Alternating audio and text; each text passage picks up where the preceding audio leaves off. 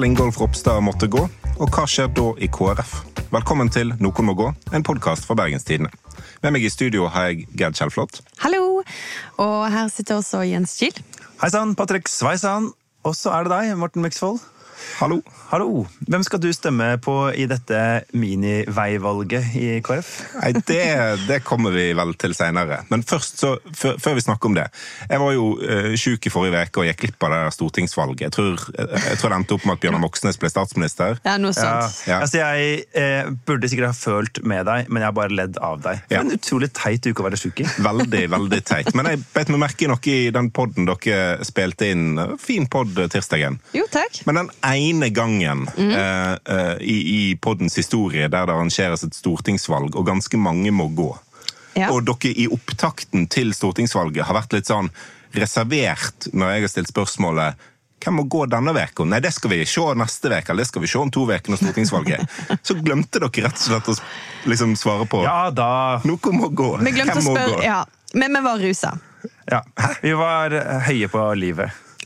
Og, og, og lave på livet ja. samtidig. på var, en måte. Ja, du kommer jo rett fra Oslo, så det er jo på en måte forståelig. Ja, Du, kan, du kommer ikke til Oslo, eller du, du kommer ikke derifra uten å ha blitt påtvunget litt nakk. Sår på sinnet. Nei.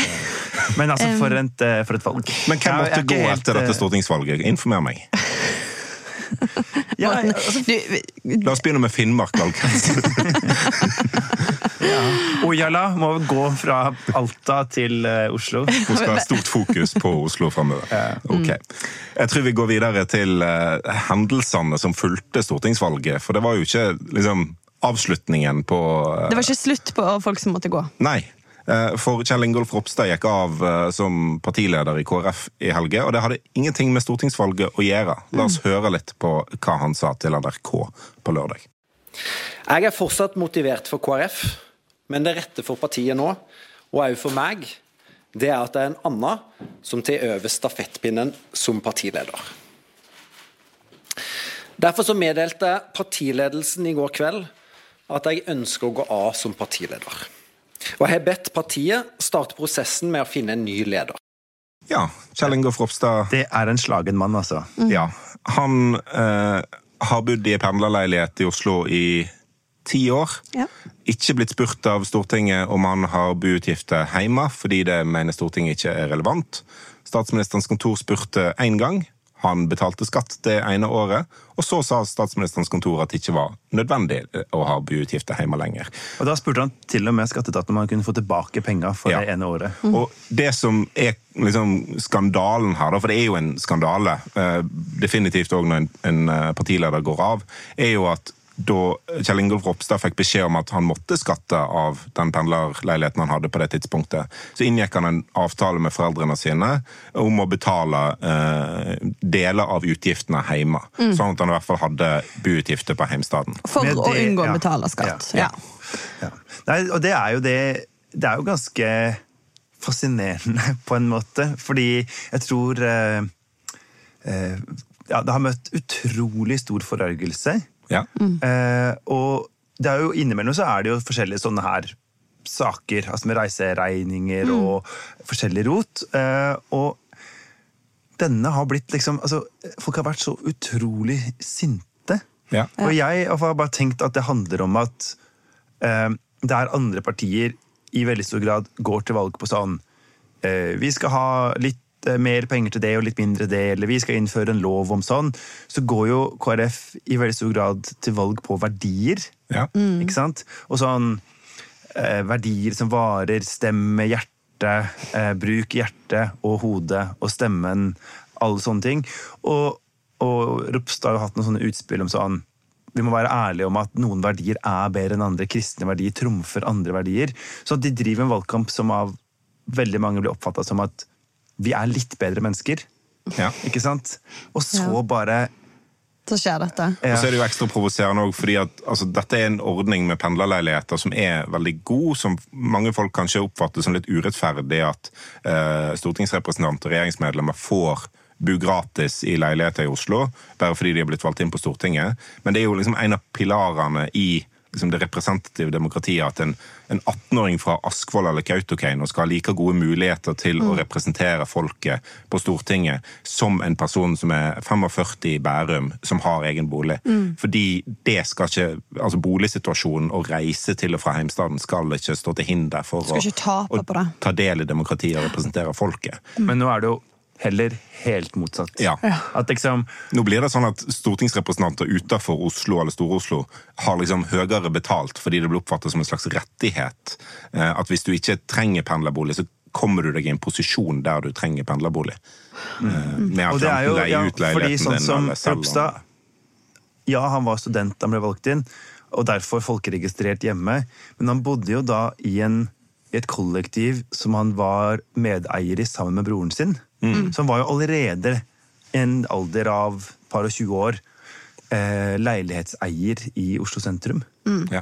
Ja da, han har vært godt stilt, og så kan man på en måte Men, men vi trenger ikke gå he hele den uh, remsa på en måte opp igjen, men eh, Det topper jo seg liksom fram mot helgen når Aftenposten Ja. kom med en del saker om Det er den nye avsløringen. eh, det kan være ti år med, med manglende skatteinnbetalinger her, og at den summen kan være altså, en, ifølge Aftenposten på minimum hva var det, 680 000. Ja. Pluss noe mer eh, ja. Ja. Så 800 000 er jo noe smått. Ja. Og så kan straffeskatt komme på toppen av det. Og, Og vi må jo bare si, da, før vi går videre altså, Tusen takk til Aftenposten for jobben. altså sånn er det, det, det er dette vi har journalistikk til. ja. Ja da. og dette var jo, Eh, dette var en sak som starta før stortingsvalget. Sant? Det kom, altså Ropstad sin pendlerleilighet var den første av flere saker om pendlerleiligheter som kom eh, før stortingsvalget. Og jeg tror det var mange KrF-ere sånn på valgdagen som så ok, her er det folk i Arbeiderpartiet, SV, eh, Venstre altså, som blir omtalt òg i de samme sakene. Litt urettferdig at det var Ropstad som var måtte, først ute og fikk kanskje mest trøkk. Og så kommer dette etterpå og viser at ja, men hans sak er faktisk eh, alvorlig. Det var mange andre av disse sakene som ikke var alvorlige i det hele tatt. Men, Men- også men- som er litt sånn, altså sånn som Torgeir Knag Fylkesnes, nestlederen i SV, Ja. som Absolutt kan stille spørsmål ved de andre sakene har også. eid leilighet i Ja. Oslo sentrum, og som sa jeg skal ha gratis leilighet i Oslo sentrum, Ja. og fortsette å leie den ut. Ja. Eh, Og det har vært folk som har sagt ja, men den leiligheten jeg er i Oslo har vært, uh, vært så liten. så den har vært litt sånn stusslig. Eh, Så, men, men det her Hvorfor eide du den da? Tellef Inge Mørland fra Arbeiderpartiet, hvis du mener at 40 kvadrat er for smått å bo i. Ja, det er litt, litt knapt. Føles det Føles litt, er sånn liksom- kleis. Ja, Det er det nye Arbeiderpartiet, ass. Men det, var jo, det er jo en politiker på Innlandet eh, Hva er det han? Han med stortingsfrakken. Ja, Tor André Johnsen. Ja, for han, han klagde jo på de, noen nye sånne her eh, skap i svømmehallen på Hamar for noen år siden, for det var ikke plass til stortingsfrakken hans der. Jeg kan jo se for meg at hvis du har en leilighet, eh, 40 kvadrat i Oslo, du har nettopp blitt valgt inn på Stortinget, den var stor nok før du ble valgt inn, men så skal du liksom ha stortingsfrakker, og da er 40 kvadrat litt stusslig. Men han altså. ba jo spesifikt da han ble valgt inn på Stortinget om å få leilighet på vestkanten, for Ja. han nekta å bo på østkanten. Det synes jeg også er fint, da. Ja, ja, ja. Det, Altså, det må ryddes opp litt mer her, men det er en annen sak. Men eh, Ropstad, da. Skal vi snakke litt om hvordan han har vært som Ja. leder? ja. Han kom, altså begyn, la oss begynne med å snakke om hvordan han kom inn, for det skjedde jo ganske brått og eh, hva skal jeg si, Det var konfliktfylt også da. Ja, jeg tror at vi var mange av oss som ble imponert over Ropstad under veivalgsprosessen høsten 2018. og egentlig synes Han for ble, han ble jo veldig kasta inn i det. Hareide hadde brukt et år på å skrive bok, forberede tale, tenke på dette her. Og så plutselig så bare må Ropstad på en måte representere det synet som er eh, vi som vil peke på Erna Solberg som statsminister, for det var det vi lova velgerne våre. Selv om det innebærer at vi også må samarbeide med Frp. Eh, og så kom han jo veldig godt fra det. Og det er ikke tvil om at den regjeringsplattformen som KrF var med på å forhandle fram den vinteren da hans side vant, inneholder jo mange veldig blanke KrF-seiere. Ja. Det som er så rart sånn etterlatt inntrykk etter hele, der, eh, hele retningsvalget, eh, som vi blir litt blanke i øynene av å snakke om, eh, er jo på en måte at Ropstad blir liksom sett på som denne kynikeren Ja, som si eh, måtte gikk i dialog med Erna Solberg om Ja. å endre abortloven for å vinne Bak Hareides retningsvalget. rygg. Altså bak Hareides rygg. Og så er det jo egentlig, som Jens eh, sier her, Hareide som jobber i et år liksom, med å si at en skal bryte med det en har lovet velgerne, og så bare dropper han det på partiet, og så blir det et landsmøte. Altså, Ropstad tok opp kampen for fordi han trodde på det, og kom, kom ganske godt ut av det. Og det var liksom Han var en åpenbar lederkandidat, sånn helt plutselig. Mm. Samtidig så um, må det jo sies da, at Ropstad er jo en fyr som er der for å spille spillet. ikke sant? Han er ikke redd for uh, og, å, liksom ta noen grep for å få det som han vil. Mm. Jeg husker veldig veldig godt i... Men både på Stortinget og Paradise Hotel så må du spille spillet 110% Ja, du må det. Ja. Og så er problemet at valgresultatet går bare til 100. Ja. Det var egentlig de siste ti som skulle ha gått til KrF. Nei, men jeg husker i 2009 så var jo han da kandidat eh, for Aust-Agder til å komme inn på Stortinget. Han var jo også KrFU-leder. Mm. Og da organiserte han Eh, KrFU sin første sommerleir noensinne i Grimstad.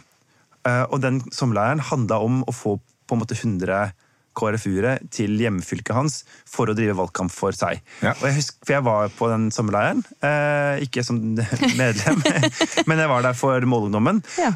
og det der, jeg husker jeg reiste derfra og tenkte sånn Wow! du har på en måte faktisk fått altså, Han var jo tidlig i 20-åra, altså mm. 3-24. Ja. Du har faktisk fått 100 ungdommer kjørt inn fra hele Norge hit til Aust-Agder for å gå rundt med bilder av deg på T-skjorta. Under dekke ja. av en sommerleir. Ja. Og det er liksom eh, altså sånn, Kjempesmart. Kjell Ingolf er hyggelig. En hyggelig mann. Eh, han, han, brenner for mange verdier. Men han er jo ikke fremmed, han heller, for å være litt kynisk når det må til. Men og det dette... tror jeg man liksom huske at han er begge deler. da. Men, men da må vi jo huske om KrF òg, for når du satt og snakka om at KrF er et parti som på en måte eh, folk føler at, uh, at jeg, be, jeg, tenker at de er bedre enn andre og, så videre, og er liksom høgverdige og moral og alt det her. Jeg tenker på KrF som et maktparti uten ja. like. Um, Her i Bergen er det jo dønn troløse. Ja, de, de, er ofte et parti som er på vippen, villig til og Det var jo også da dette veivalget handler om, at de var på vippen og kunne på en måte velte en regjering og, gå, og, og gi flertall til en annen. Så det er et parti som, som, ikke er fremmed for å bruke en maktposisjon når de får det. Så og det er jo sånn kjempebra. Så, altså På vegne av de litt over 100 000 velgerne i Norge som stemmer KrF, så er det jo kjempebra at partiet gjør det de kan for å få mest mulig ut av eh, stemmene sine. Men, men kommer Ropstad til å til, Altså, det han har gjort, er jo egentlig ganske stort. At han har tatt KrF inn i regjering. Ja. Eh, og, og, jeg tar meg sjøl i å glemme det litt, på en mm. måte, når jeg tenker på han. Fordi jeg tenker på han som en person som veldig mange ikke liker. U, altså, Ikke i KrF, eller sånt, men bare jevnt i folket. Ja, I KrF folk... er han veldig populær i alle leirer. Ja, Mens i folket ble... tror jeg ikke han er så populær. Han, han kom veldig skjevt ut av det i starten med for den her 'Klarer du én, klarer du to'. Altså, han har gjort Knyttet tvillingabort, ja, for fosterreduksjon. Han, han starta jo ut med på en måte å, å, å, ha abort som en sånn skikkelig sånn maktpolitisk sak, ja. som, som men... gjorde det til spill, og det tror jeg gjorde at folk tror jeg han òg ble upopulær blant mange som hadde ønska at KrF skulle lande på et annet standpunkt i 2018. Ja. At han ja. vant fram, var jo fordi han blant annet var flink, og fordi KrF eh, ligger der at de heller vil samarbeide med, med høyresida enn en venstresida. Det, var, mm. det var en bratt oppoverbakke for Hareide å klare det retningsvalget der, og han klarte det ikke.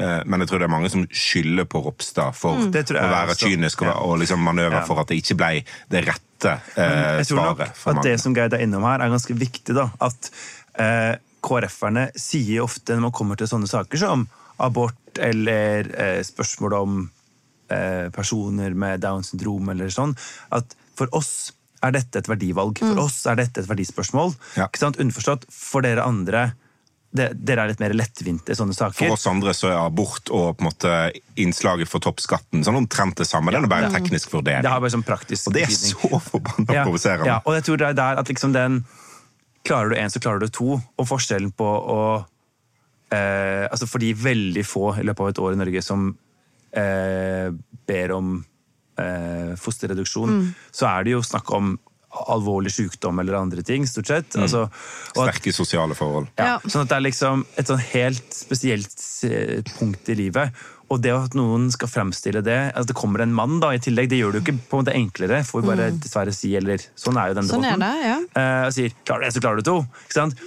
Som er sånn, Så lettvint kan man bare ikke snakke om abort. Nei, Nei og at det, at det blir gjort til en så tydelig som brikke i et maktspill, det tror jeg var, litt, var veldig vanskelig for mange. Mm. Og, og, gjorde at han fikk en dårlig start da, blant mange, mange ja. folk. Og så har han jo generelt eh, selv om han står på det samme programmet som Hareide, eh, lagt KrF i en retorisk mer kristenkonservativ retning. Ja. Sant? At det, er for eksempel, det var naturlig for Hareide å være nær alliert med miljøbevegelsen i Norge, så var eh, Ropstad opptatt av å finne eh, de veldig marginale delene av miljøbevegelsen som snakker om at vi burde bli færre mennesker på jorda for at det er det kloden tåler, osv. Mm. Eh, og på en måte gå i krig mot dem. Ikke sant? Som blir sånn Fordi du finner på en måte et verdispørsmål innafor dette, og så går du til krig mot det, i stedet for å si først og fremst da er vi bare alliert i den store klimasaken. Men, men, men i regjering så har jo KrF fått eh, noen uh, store gjennomslag. De har økt Barnetrygda. Barnetrygden, ja. Det er jo sånn som man typisk tenker på. Det er for første gang på hva da, 20 år eller noe sånt. Mer enn det. Eh, så, sånn at det Fri- Bistand, fritidskort Ja. eh, og jeg vil jo si gode jordbruksoppgjør. Ja. Eh, selv Tatt litt kontroll over samferdselssektoren. ja. Eh, ja. Tatt kontroll over elsparkesyklene. Tusen takk, Knut Arild. Ja. ja. Så de har, jeg tenker at de har fått til ganske mye egentlig på sine områder. Eh, men de har jo også, ikke sant eh, De er jo kanskje ikke så gode strateger. De jubla jo da Frp gikk ut av regjering og sa at nå får vi vår drømmeregjering. Venstre, KrF, Høyre. Og det første som skjer, er at Frp sier Å ja, du sa det. Hei, SV og Ap. De der bioteknologigreiene skal vi bare ta oss og Ja. måke gjennom alle punktene i Stortinget. Ja. Ikke sant? Så Ropstad har jo i mange saker knytta seg til saker som det er umulig å vinne. Ja. Mm. Ja. Og det er jo KrF sin historie, da. Å, å være liksom den siste forsvareren for en tapt sak. Så det blir jo på en måte neste partileders oppgave å få til det som Ropstad aldri greide, og som egentlig aldri Hareide heller greide, nemlig å gjøre partiet til et parti som er for noe, og ikke Ja. bare et parti som er mot Finne en vinnersak. Ja. Ja. Så det. Men hvilke kriser står egentlig KrF i nå, folkens? Altså, fordi, ok, det er, jeg føler det er, liksom, nest- det er liksom så mange kriser at At de må- mangler leder, er bare én ting. Ja. Ja, Det var okay. det nyeste. De gjorde et drittvalg. Ja. Ja, for det er enkleste La oss- først. la oss Altså, de er under sperregrensa for første gang. Ja, på, ja, ja, for første gang. Og dårligste valg siden Det eneste og- partiet som er mindre enn dem på Stortinget, er Pasientfokus. Ja. Det er verdt å La oss bare huske det. Ta det inn. Ja. Uh, Ja. Men de gjorde et, altså, uh, halvparten av stemmene til KrF nå kommer fra Agder, Rogaland, Hordaland. Mm. Og det er andre partier som kan havne under sperregrensa og, og være optimistisk med tanke på framtida. Altså, hadde Venstre havnet under sperregrensa nå, så hadde det vært liksom, nærmere en normal situasjon. For de har jo hatt sånn over-under sperregrensa eh, hvert valg Mm. på rad. Nå er det tredje gang de er over, men, men de liksom eh, ser jo et liv etter, etter sperregrensefallet. Eh, Mens KrF har dette vært liksom det at de Husk havner under ingen bibel, et kleine bibelreferanser i denne Nei, nei, jeg styrte, jeg styrte akkurat unna. Jeg styrte akkurat unna. Men, men for KrF så har det vært liksom en, en nedgang som har vart i mange år, som nå kulminerte med at de havna så vidt under sperregrensa. Og som nedgangen nå fra sist var jo ganske liten. Ja, og den har vært minst like hard under Hareide som under Høybråten. Altså de, Ja det er ikke noe som tyder på at eh, den ene hvite mannen er noe flinkere eller dårligere enn den andre. Dette her. Nei, det er lenge lenge siden det har gått bra Men nå kan med de jo prøve en med brunt hår, eller sånn, ja, mørkebrunt hår i stedet, kanskje. Det blir spennende å se om det er det som skulle til. Ja. Nei, men, og de, så det gjør jo at de, det er jo allerede så var jo KrF i en situasjon der de var nødt til å liksom hva heter det? Ta en samling i bånn. Altså, eh, og prøve å håpe at dette var bunnen. da. Og, og prøve å, reise seg igjen og finne ut av eh, hva, hva gjør vi nå. Og nå må de også gjøre det samtidig med at de finner seg en ny leder. Så det er klart det er en ganske sånn heftig situasjon de har havnet oppi her. Ja. Ja. Og Det er jo interessant å se hva liksom, de prøver å profilere seg på framover, uavhengig av hvem som blir leder. For Ja. det, det KrF har prøvd, i hvert fall i denne valgkampen, og, og som er, liksom, har vært stempelet deres i mange år, er å være et familieparti. Men det er jo litt sånn, det er kanskje litt vanskelig å få småbarnsforeldre med på lasset ved å liksom sende masse penger i deres retning, men så har du alltid det der abortspørsmålet, Ja. eller liksom, gen- og bioteknologi og fosterdiagnostikk som bare ligger og lurer i bakgrunnen. Ja. Og så er det jo litt sånn, altså, Nå er det jo mye eh, eh, kommende og, og værende småbarnsforeldre i denne podkasten. Jeg snakker ikke om meg sjæl, eh, eh, så vidt jeg veit. Magne, hvis du hører på noe og veit noe jeg ikke veit, så ring meg. Men, men, jeg tror at sånn Ikke sant? Det er jo eh, større sjanse for at ungen blir født og viser seg å være skeiv, enn at ungen blir født og viser seg å ha et eller annet superalvorlig kromosomfeil eller noe ja. sånt noe. Altså, veldig mange vil jo tenke at de tingene som de delene av mangfoldet som eh, KrF snakker om at man skal ta vare på, mm. er jo bare en liten del av mangfoldet. Og at den mm. resten ja, av mangfoldet er, er ting de liker ganske dårlig. Mm. Men, men dette var jo på en måte um, altså, Den fornyingsprosessen til KrF, den tror jeg også Ropstad hadde en plan om at skulle komme. For, for sånn, altså, dette valget her nå, det handler om å redde stumpene. Ja. Så klarte de ikke helt det. da. Men det er jo kanskje ikke Ropstad sin feil at de havner unna? Altså, han, han, arva tror han ville aldri fått skylden fra partiet. Det, det, han ville aldri blitt bedt om å gå eh, etter dette valget her, hvis ikke Nei. denne siste saken hadde kommet. Så det kom jo utrolig brått på, fordi at i forrige uke, fram til fredag morgen, eh, eller når de først fikk vite om den saken, så, så satt han helt trygt. Eh, Eh, sånn at ting skjedde jo utrolig raskt når det først skjedde, egentlig. Ja. Og du ser jo at han hadde jo, ikke sant han hadde jo tenkt til å, å, bygge opp sånne som Ida Lindtveit Røse, mm. som er eh, fylkestingsgruppeleder i Viken for dem. Mm. Eh, Tore Storehaug, som har vært finanspolitisk talsperson og er her fra Sogn og Fjordane. Altså, sånne personer man sikkert har sett for seg at om seks, åtte, ti år så skal mm. dere så klare, og mm. dere skal inn i regjering neste gang, og sånn. Og så funker jo ikke det, for at de havner under sperregrensa. Og eh, nå er det jo ikke sånne kandidater som er partiledermateriale, antageligvis. da, Rett og slett fordi at de har ikke en posisjon til å kunne aksje det. En, en må nesten sitte på Stortinget. Ja, bør jo absolutt, ja. Og de har nok kanskje også ikke hatt helt oppgavene som tilsvarer at du skal gå inn og være partileder. Nei, det er altfor tidlig. Alt for tidlig, altså, det er klart. Og jeg tror sånn, sånn som hun Ida Lindtveit Røse, da, som er sånt åpenbart kjempetalent for dem. Hun vikarierte for Ropstad når hun var ute i altså Hun har vært innom som barne- og familieminister. Ja. Litt sånn, ja. ja. Og da er det jo ikke mye du får gjort, men hun markerte det jo blant annet ved å gå i pride. Ja. Eh, men, men eh, ikke sant? Hun er jo sånn, Hvis hun hadde tatt over nå skal sitte utafor Stortinget og bli en ganske mislykka partileder, mm. kanskje. Eh, hvis hun bare venter i mm. sju år, ja, ja, og er fremdeles ganske ung, og kan sitte på Stortinget og kan ta over og ha en helt annen mulighet til å gjøre det på en bra måte. da. Mm. Er det det du omtaler deg sjøl om? Ganske ung, siden du eh, er omtrent syv år eldre enn hun? Altså, i partileder Hvis jeg hadde tatt over som partileder i et parti i en alder av 35, så tenker jeg at jeg er ganske ung. Altså, sånn, eh, det er greit.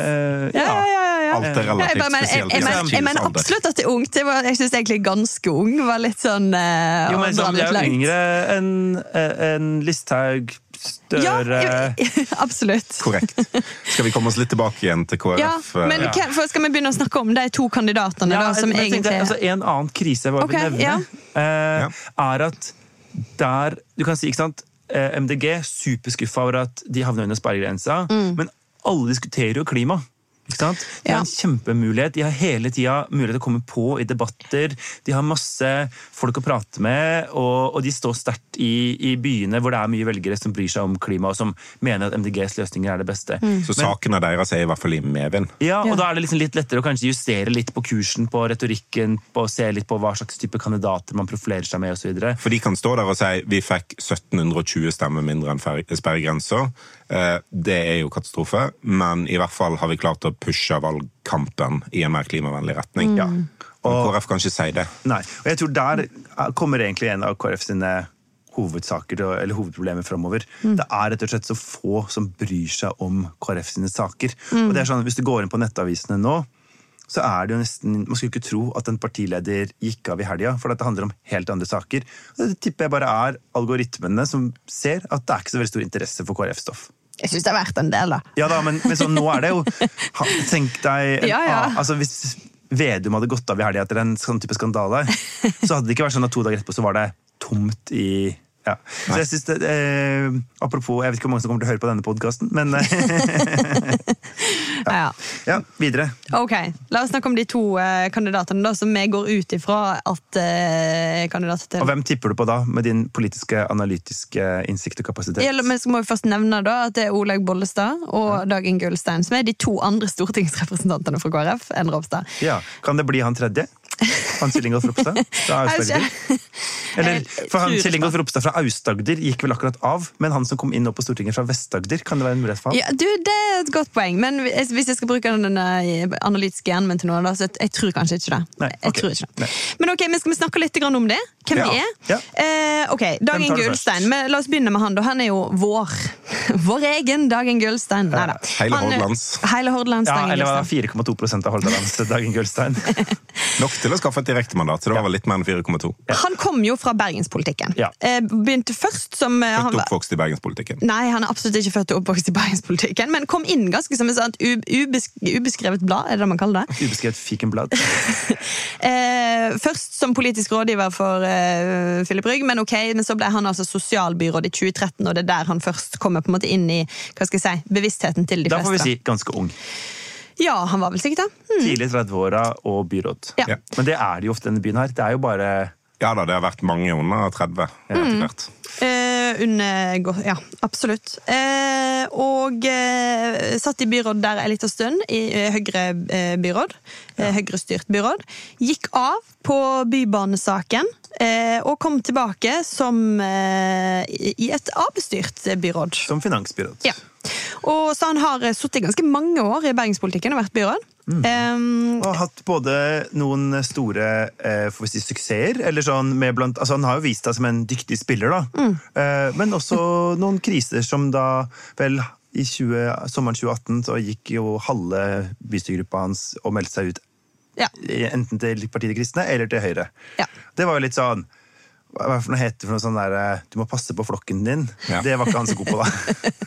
Nei, men det er klart at eh, Men, men eh, de tok jo Partiet han tok jo Han tok det også i en ny retning, i og med at han tok KrF her i Bergen over på eh, rød side. Han tok et veivalg. Han tok et veivalg.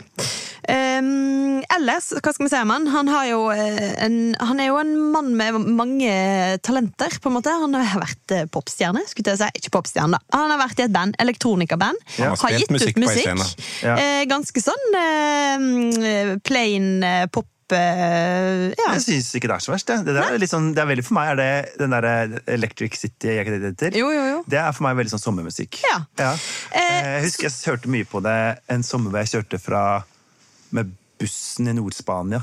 Ja. Så for meg er det liksom Lyden av Nord-Spania for deg. Lyden av Nord-Spania. Ok! Hvis det er lov å si.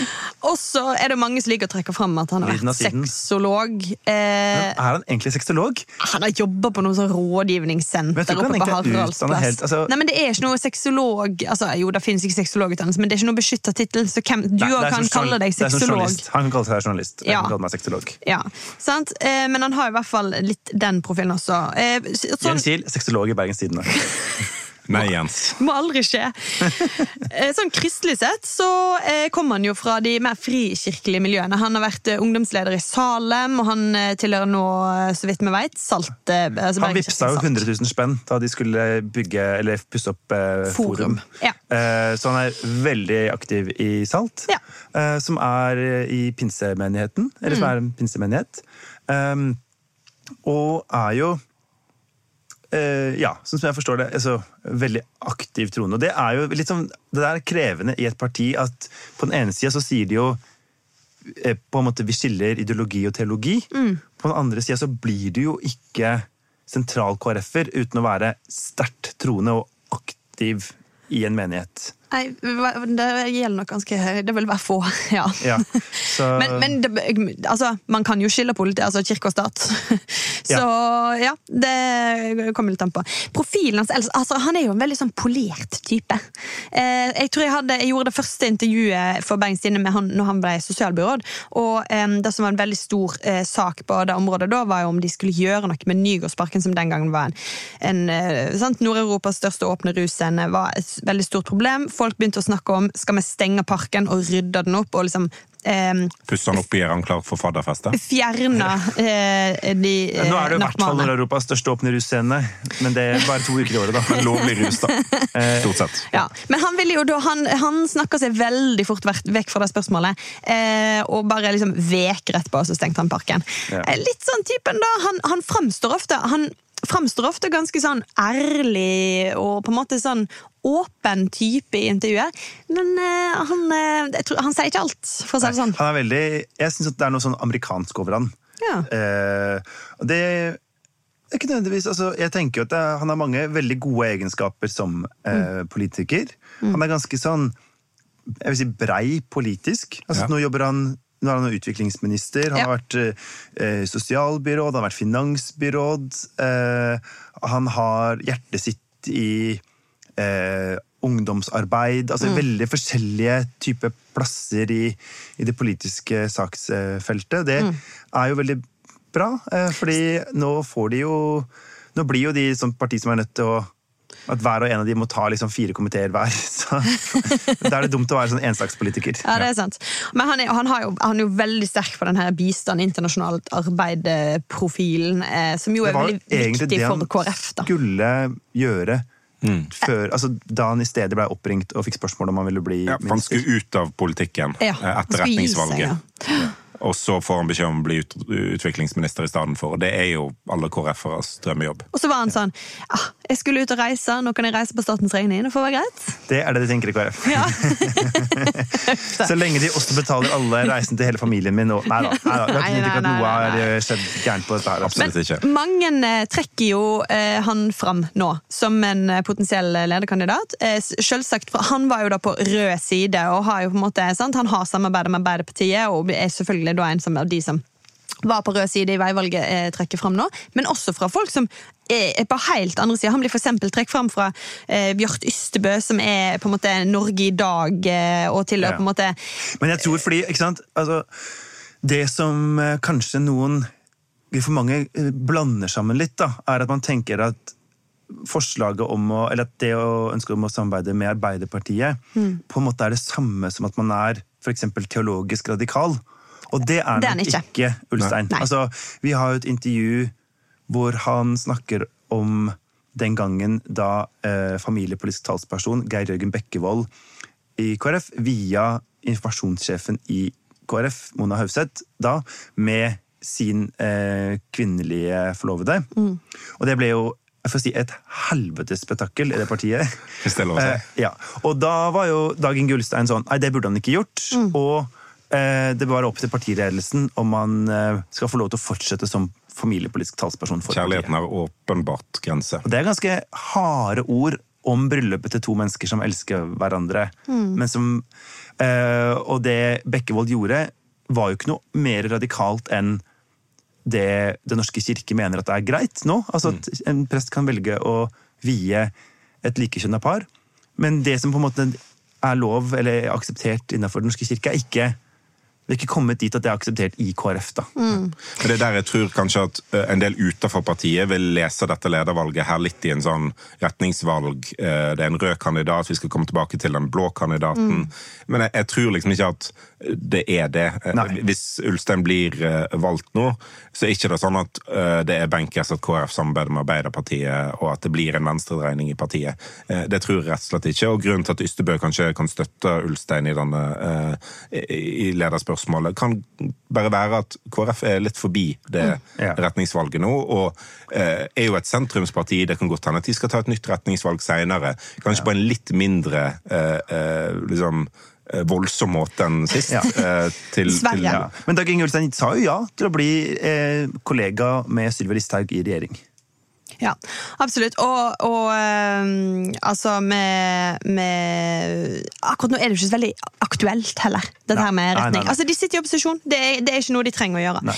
Men uh, bare, og, og, til sist, fordi du snakker om på en måte um, standpunktet hans i en del saker. Veldig mye veit vi ikke, for han er ikke så veldig villig til å snakke om det. Uh, om disse på en måte litt sånn vanskelige verdisakene og verdispørsmålene. Han er ikke så villig til å flagge helt sitt standpunkt. Han er en ganske konfliktsky type. Ja, og det er litt sånn ja, sant? Det er litt sånn typisk for, også fra det spørsmålet som den gangen han var i sosialbyrådet, at han snakker seg litt ut av det. Mm. Eh, har ikke lyst til å flagge det så høyt. Jeg tror det kan bli vanskelig, fordi hvis du tenker et lite parti under sperregrensa, mm. som ikke noen er avhengig av for å få flertall for sakene sine, mm.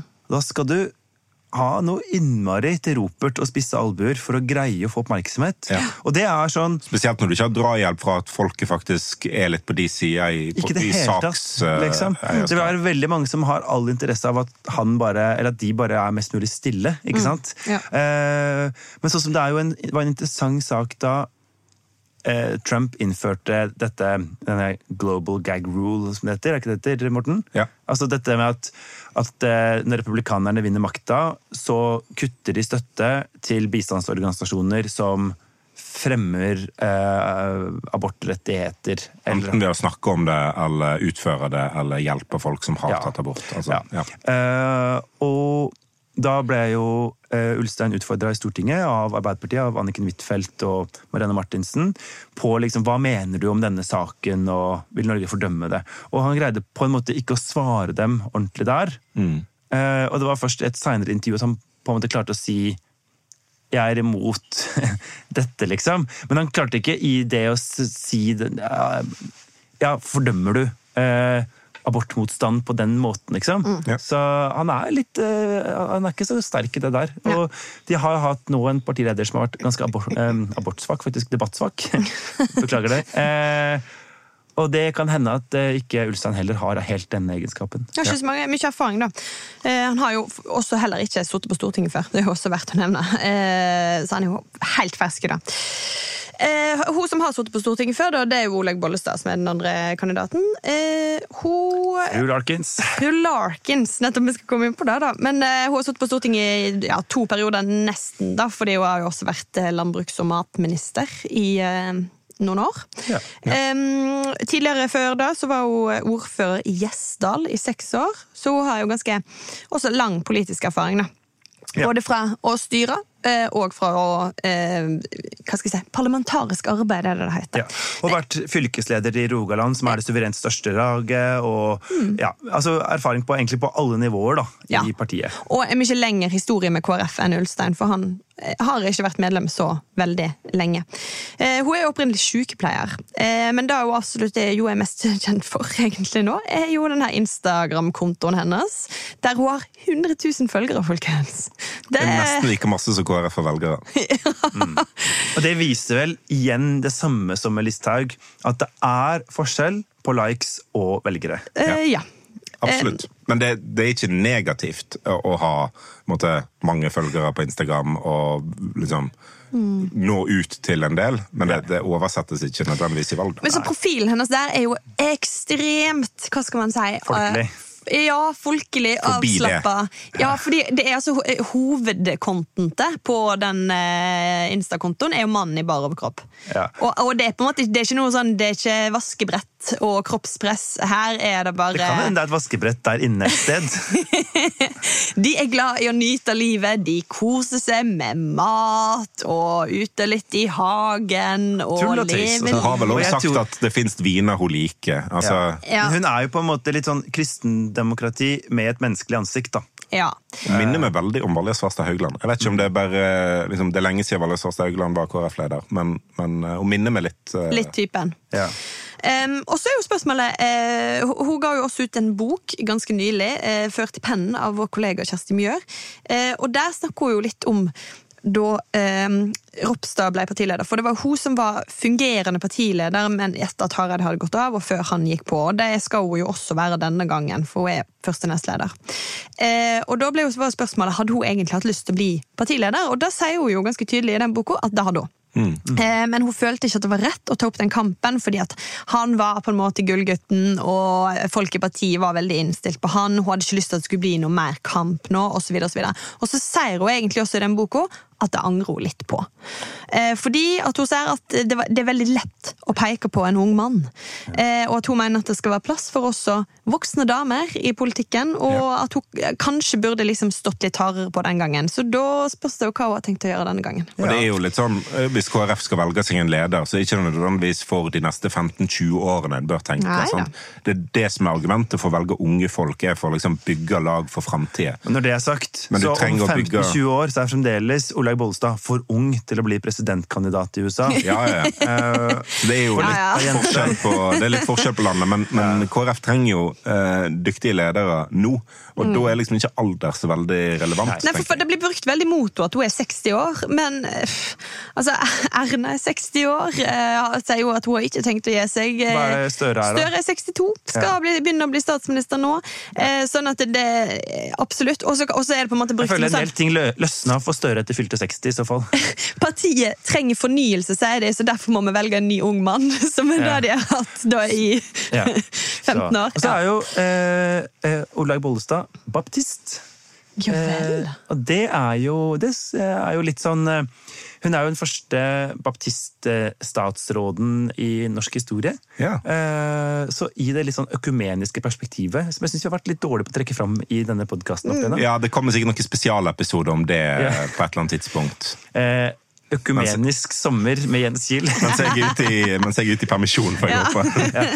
Bare legg den på dere. Ja, men eh, Eh, Indre Åkra og Oslofjord tar seg av det. Eh, nei, men, men, men, eh, hun har jo en teologisk profil som også er litt sånn uavklart. Men hun har jo blant annet vært, som egentlig litt i rollen tror jeg, som sykepleier, eller med den bakgrunnen, tatt til orde for at KrF skal forandre abortstandpunktet og si vi må bare anerkjenne at abort vil skje mm. uansett. Mm.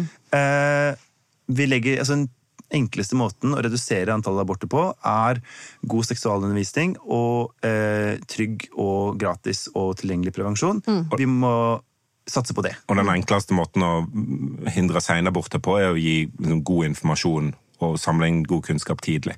Ja. Altså, ja, det burde så, være enkelt. Men, så hun er nok mer Der hun blir på en måte plassert i den blå fløya i retningsvalget, mm. så er hun nok mer radikal uh, i en del av de her spørsmålene. I verdispørsmålene. Ja. Og det er i hvert fall de tingene vi tror da holder KrF litt tilbake igjen. I hvert fall opp mot småbarnsforeldre, som de satser veldig på i, i familiepolitikken sin. Det er det du Så tror? Ja. Jeg tror i hvert fall det. Mm. Uh, ja.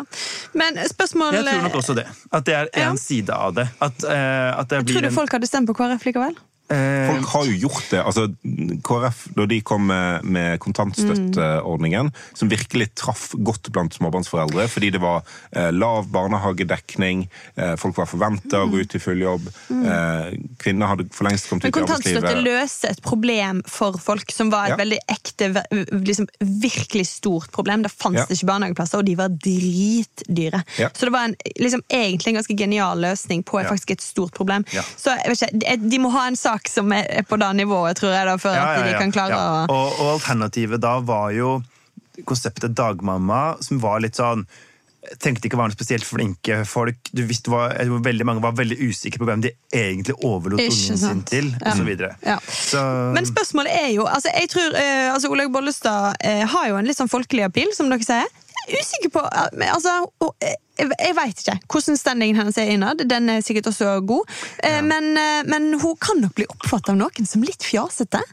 Og spørsmålet er kan fru Larkens være partileder? Jeg tenker ja til det. Eh, eh, men ikke liksom uten, uh, uten vilkår. Eller, altså det kan hende at kanskje ikke fru Larkins skal være partileder, men fru Larkins gjør det jo veldig bra i Rogaland i valg, da. Ja. Får vi si. Ikke sant? Eh, og på samme måte så Ropstad imponerte veldig under retningsvalget med, når han reiste rundt og holdt taler og måtte agiterte for å velge høyresida.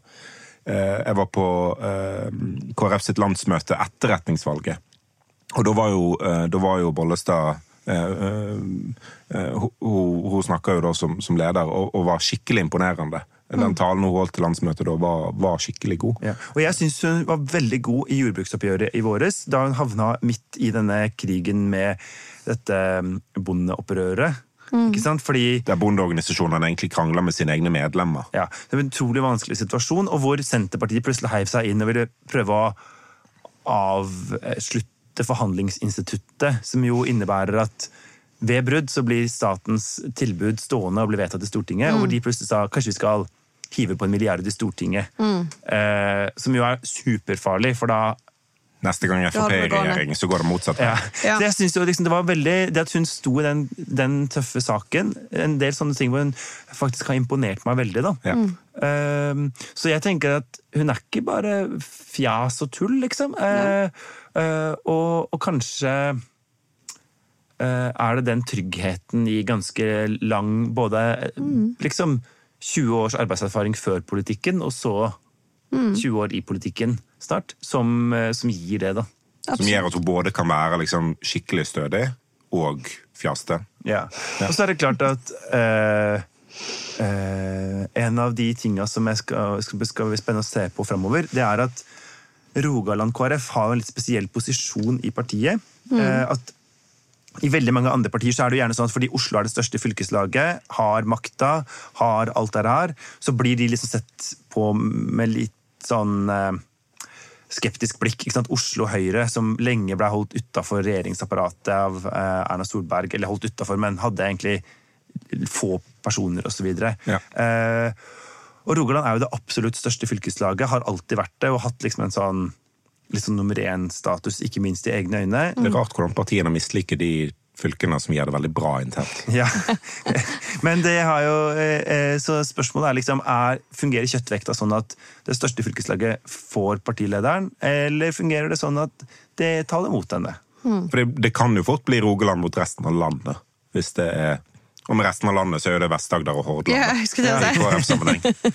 det er litt sånn uh, Harald Hårfagre samla Norge til et rike. Det er ikke ja. nødvendigvis hele riket en snakker om. Ja, da. Mm. Ok, Hvem tror vi blir valgt, da? Det blir jo et menneske som skal ha vanvittig høy arbeidskapasitet.